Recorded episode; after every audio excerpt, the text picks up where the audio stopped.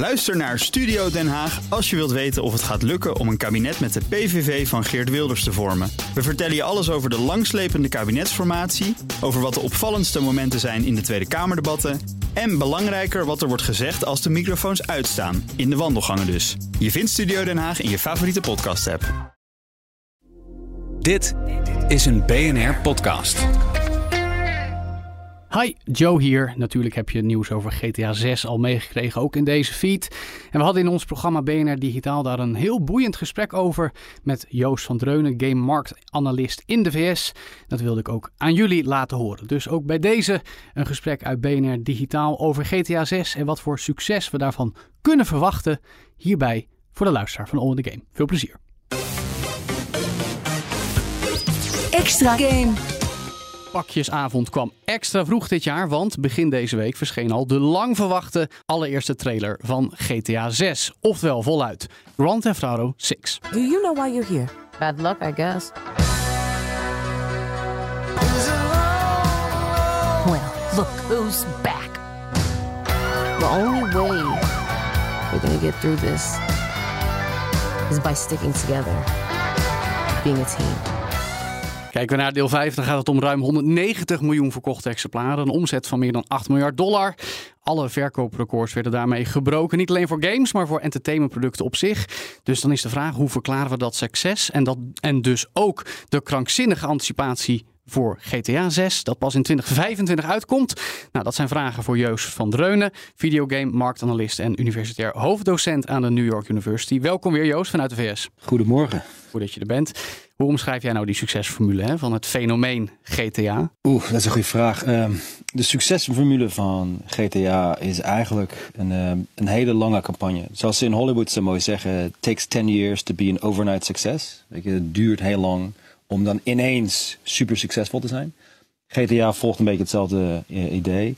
Ehm, toen Take-Two op een gegeven moment die studio heeft aangekocht, zoveel jaar geleden, voor een 11 miljoen. Weet je, dat is was heel lang geleden en dat, dat hebben ze echt gewoon met de, de stutten die er stonden, hebben ze dat opgebouwd. Ja. Eh, hebben ze dat heel langzaam heel goed gedaan en die hebben daar heel innovatief eh, over nagedacht.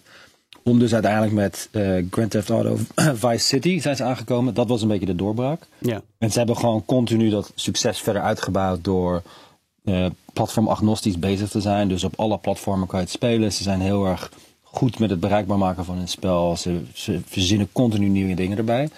Eh, die instelling, dus zeg maar dat opbouwen van een blockbuster model, dat hebben ze fantastisch eh, gedaan. En dat zie je dat dan ook in het succes ervan. Ja, Joost, en wat, eh, wat, is, wat speelt de inhoud van het spel mee? De inhoud van het spel in een open world action game, zoals Grand Theft Auto, is eigenlijk gewoon eh, de speler de mogelijkheid geven te doen wat hij of zij wil. Eh, en dat betekent heel simpel gezegd, ehm, in traditionele media en entertainment, film, radio, televisie, maar ook in ouderwetse games zoals Mario, je kan eigenlijk alleen maar één ding doen. Je, je kan alleen maar van A naar B naar C en daar is de prinses en nou eh, win je het spel. Met Grand Theft Auto was een beetje een omslag in het gedachtegoed, waar je dan ineens als speler zelf kan bepalen waar je mee bezighoudt in zo'n open wereld. Sommige gebieden, sommige eh, aspecten zijn misschien nog niet beschikbaar, afhankelijk van je level in het game. Maar het komt er een beetje op neer dat je dus eigenlijk gewoon eh, een canvas krijgt in plaats van een tekst. En dat is een hele andere ervaring. En ik denk dat dat Ja. juist voor heel veel gamers heel erg interessant is gebleken. Ja, in, in hoeverre speelt het mee? Want je begint met distributie, je begint met lange adem, met opbouwen, dus marketing. In hoeverre speelt de gameplay echt mee? Met betrekking tot GTA is de gameplay toch wel een van de voornaamste aspecten. eh, om eh, twee redenen. De eerste dan, zoals ik zei, dat je dus gewoon eh, autonomie hebt binnen het spel. Je mag zelf kiezen wat je wil doen. Maar de games zelf, de identiteit van gamers zelf is ook heel erg gebaseerd op...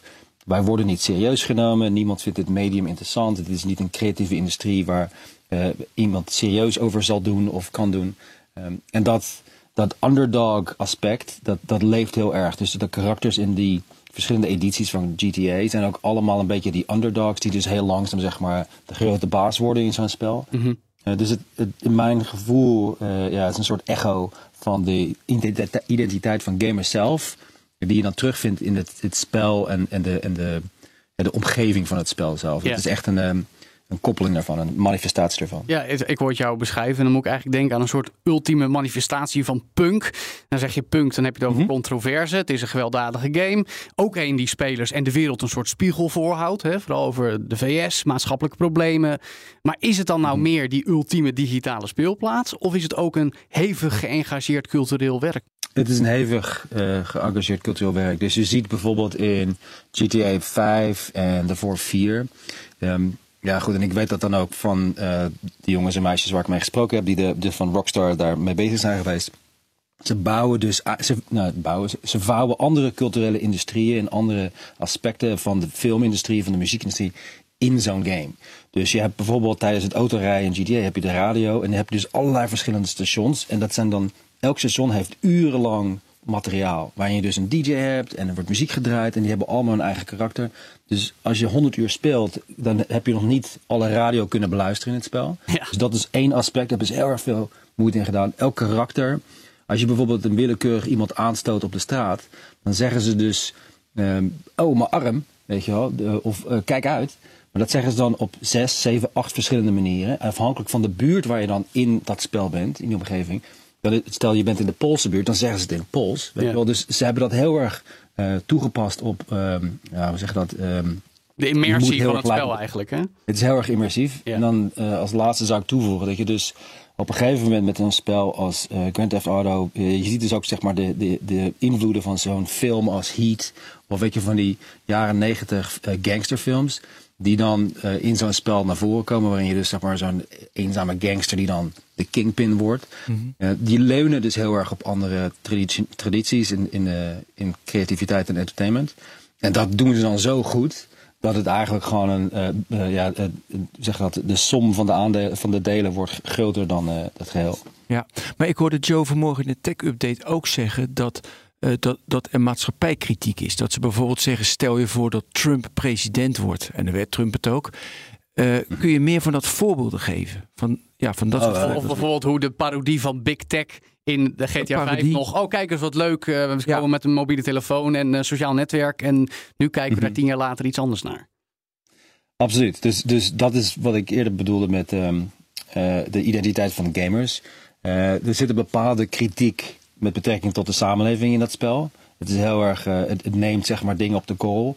Als je dan bijvoorbeeld eh, naar de radio luistert, heb je van die, eh, ja, van die DJ's, van die mensen met meningen erop. En het is dan, maar dat, dat, dat trekken ze dan in, in het belachelijke, simpel gezegd. Ja, En parodiëren. Op die manier is een parodiëren dat gewoon heel erg sterk.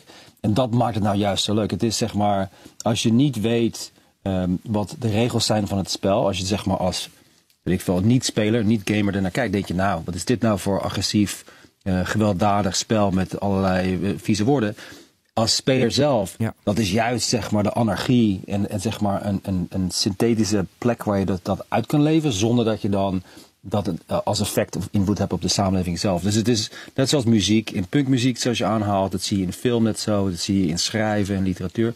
Dat is gewoon een bepaalde plek waar mensen zeg maar een beetje de, de regels op zijn kop zetten. En dat Ja. doet GTA geweldig. Maar is het spel dan meer links georiënteerd of meer rechts georiënteerd? Ik zou zeggen ehm, rechts, omdat het toch wel een beetje een, eh, een, een, eh, zeg dat een backbone heeft rondom echt gewoon individueel rugged capitalism. Weet je, Ja. je bent gewoon een gangster, het is heel erg gewelddadig natuurlijk. Het zijn in, in dat aanzicht dat het heel erg eh, beperkte narratieven. Dus de, je bent gewoon iemand met een ambitie en je wordt een beetje zo in zo'n gewelddadig leven getrokken. Eh, tegelijkertijd, weet je, je hebt niet, het gaat niet over vriendschappen en het gaat niet over, eh, weet je wel, soep brengen naar je oude vriendin of je moeder of zo. Weet je wel, het, is, het, het, het, het, is- het blijft wel zeg maar gebaseerd op geweld en maffia en drugs en dat soort toestanden, weet je, de onderwereld. Dus dat, dat, dat trekt het dan veel meer naar het rechtse toe. Dat zeg maar rugged individualism.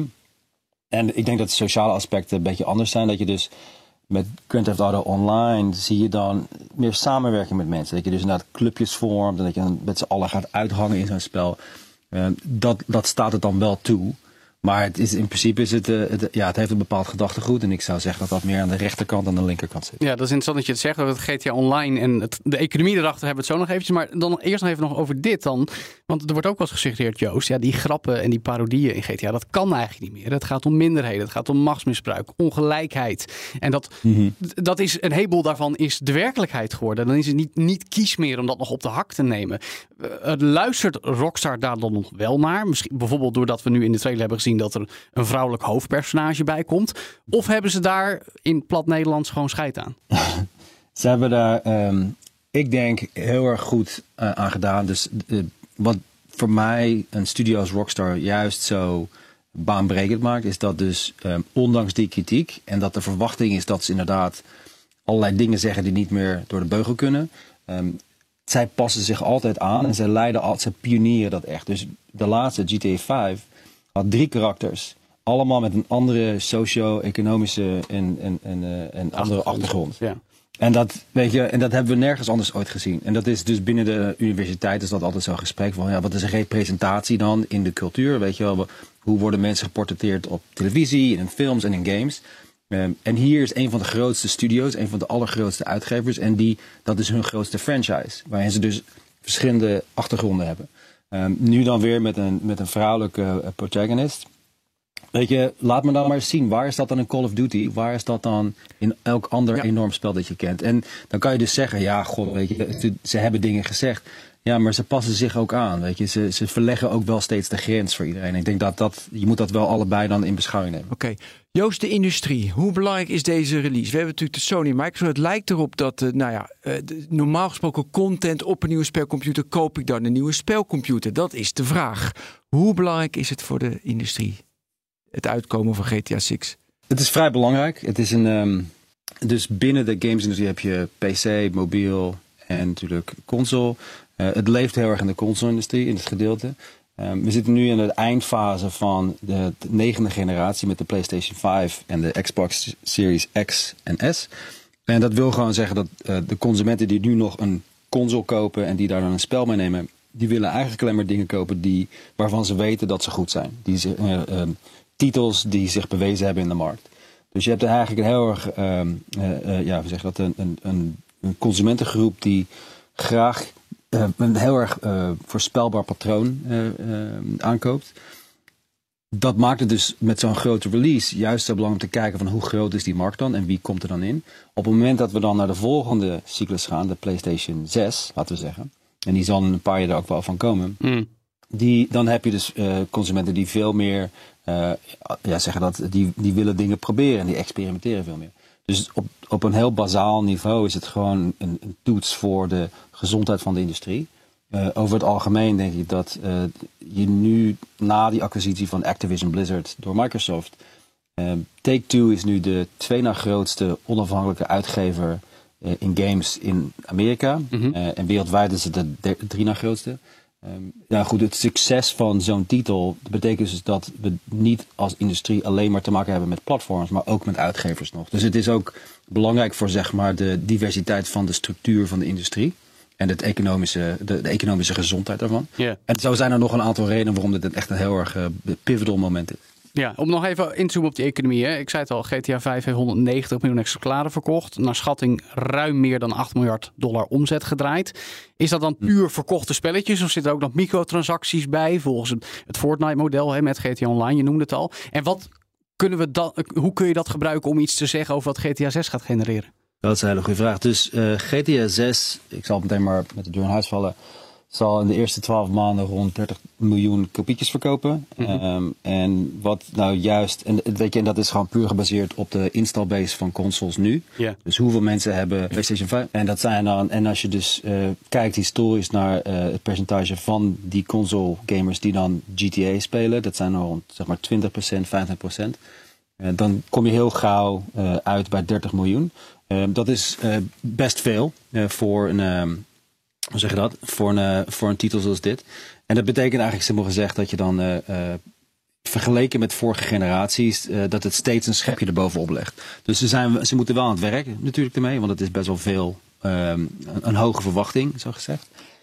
Ehm, je vraagt naar digitale transacties en microtransactions. Dat is een groot onderdeel. Dus GTA is een heel goede case study voor een titel, voor een franchise in de gamesindustrie die zich die eigenlijk begonnen is als een product en geëindigd is als een service. Mhm. Dus in het begin ging het echt om kopietjes verkopen van die eh, CD-ROMs verkopen Ja, bij, gewoon eh, bij 50, de 60 detailhandel. euro voor een schijfje of een, eh, of een download.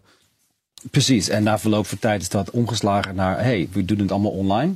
En de manier waarop we dat doen is eh, microtransactions en expansion packs en dat soort toestanden. Ja. En dat heeft ze best wel, eh, best wel wat geld verdiend. Als je dus kijkt naar ehm, Dus in het, in het eerste jaar, in 2014, was het onder de 100 miljoen voor eh, online uitgaven, de- voor digitale transacties en zo. Mhm. Ehm, in 2022 was het eh, 600 miljoen. 600 denk ik miljoen dat- met alleen microtransacties in hun online component. Microtransactions. En, dan, en dus niet full game downloads. Dat is dan een aparte categorie. Dat Ja, is ja, dan ja. ook diezelfde periode van 100 naar 300 gegaan. Eh, maar packaged goods is dus de andere kant op gegaan. Die begon met anderhalf miljard in het eerste jaar. Hmm. En die is dan in het laatste jaar onder de 100 miljoen.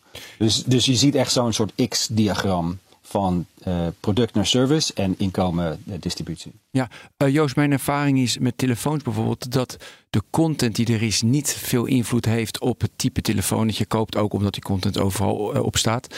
Hoe, hoe groot is die uptake als je een game hebt die echt iedereen wil spelen, dat je dan ook een nieuwe console koopt? Nou, dat is een beetje, dat is een beetje hoe het industriemodel werkt natuurlijk. Wel dus bij de Ehm, games. Kijk, wat, wat Take-Two nou juist zo goed doet, is dat ze dat eh, met Grand Theft Auto 5 hebben, hebben ze dat gelanceerd op drie verschillende generaties hardware. Ehm, dus je ziet dan wel upgrades. Je ziet dus wel een verbetering in de kwaliteit na verloop van tijd. Dus ze doen patches en ze maken, ze, ze maken het gewoon beter kwalitatief. Maar eh, je begint natuurlijk waar je, waar je bent. Dus als de install base voornamelijk PlayStation 5 is, zullen ze dus daar zich op richten. Over een periode zullen ze dat dan aanpassen. Ehm, en dat heeft ze heel erg veel. ehm, dat heeft ze geen windeieren gelegd. Dat, dat is heel erg succesvol voor ze geweest. Mhm. Eh, want zij zijn juist het soort uitgever die ervoor zorgt dat hun spel, eh je zegt dat overal te spelen is. Dus je kan het krijgen op een iPad, je kan het krijgen op een PC. Weet je, dus het maakt je niet zoveel uit waar je zit. Het maakt je niet zoveel uit welke digitale store je gebruikt. Eh, als je er maar toegang tot kan krijgen, want dat is ook voor hun strategisch beter. Maar zij spreken dus de markt op zijn allerbreedst aan. Waar andere spellen, dus een exclusive, zoals een Spider-Man op de PlayStation, heel succesvol, maar die speel je dus alleen op één apparaat. En dat is een, dat is een heel groot verschil. Ja, maar nog even de hele omvang van het ding, Joost. Dit, dit spel is tien jaar in ontwikkeling. Het, het is een, het is een nou, triple A-game, dekt de lading eigenlijk niet. Gezien hoe lang en met hoeveel mensen en hoeveel budget dit ontwikkeld wordt. Eh, terwijl we hebben het juist dit jaar ook over... eh, weet je, er zijn heel veel goede games uitgekomen. Er zijn ook een heleboel studio's weer afgeslankt. Er zijn ook nog steeds al een aantal jaar lang van die hele grote games die komen uit. En zitten al allerlei foutjes en bugs in. Ehm, Is het risico niet enorm dat ook deze over, over, over de topproductie struikelt over zijn eigen gewicht? Altijd. Dat is juist het spel. Ik bedoel, eh, als je naar Strauss Zelnick, de CEO, luistert, die zegt dat ja, eh, dus eh, het succes staat in relatie tot het risico. Simpel gezegd. En het is, weet je, je moet je voorstellen dat dus een GTA 5, eh, die heeft over zijn hele lifetime meer dan 400 miljoen units verkocht over 16 verschillende titels en allerlei verschillende platformen. Het enige waar ik dus ooit 400 miljoen van heb gekocht, misschien zijn pepernoten. Weet je? Ja, dus, dus, de, dus de omvang daarvan is enorm. En het risico staat daar evenredig naast natuurlijk. Eh, maar dat is de enige manier dat het werkt. Blockbuster economics, dat is een beetje de name of the game. Eh, dus je moet wel. Eh, GTA 5 kostte 260 miljoen. De, de helft in ontwikkeling en de helft in marketing. Eh, ik denk dat dat hetzelfde plaatje, het zal wel meer zijn voor GTA 6, het zal wel 300, 350 zijn. Eh, maar ja, goed, als je dus 350 miljoen uitgeeft en je haalt dan in het eerste jaar een schatting van 2,5 miljard binnen, dat is een goede investering. Eh, het, is natuurlijk, maar dat zijn maar weinig bedrijven die dat kunnen doen. Ja. Eh, het, het is altijd, het, weet je, het idee dat je dus iets langzaam op kan bouwen en dan na het verloop van tijd dat dan eh, met, met allerlei strategieën zeg maar daar geld van eh, kan vangen in de zin van zeg een Candy Crush waar je dus heel lang voor niks speelt en dan na verloop van tijd geef je een paar euro's uit. Ja. Dat is een heel ander model. Dit is niet dat model. Dit Nee. is een model waar je dus gewoon iedereen helemaal gek maakt en dan, en dan dat verkoopt zo hard mogelijk. Ja, wat dat betreft een heel ander soort economie dan de pepernoten. Want die sinds, eh, zijn sinds eh, deze week weer flink in prijs gedaald. Maar goed, eh, we hebben in ieder geval nog een tijdje te wachten tot eh, GTA 6. Eh, d- thank you very much voor deze analyse. Joost van Dreunen, videogame marktanalist en universitair hoofddocent aan de New York University. Ook Harm Edens vind je in de BNR-app. Je kunt BNR Duurzaam niet alleen live luisteren in de app, maar ook terugluisteren als podcast, zoals al onze podcasts. En naast dat de BNR-app Breaking News meldt, houden we je ook op de hoogte van het laatste zakelijke nieuws. Download nu de gratis BNR-app en blijf scherp.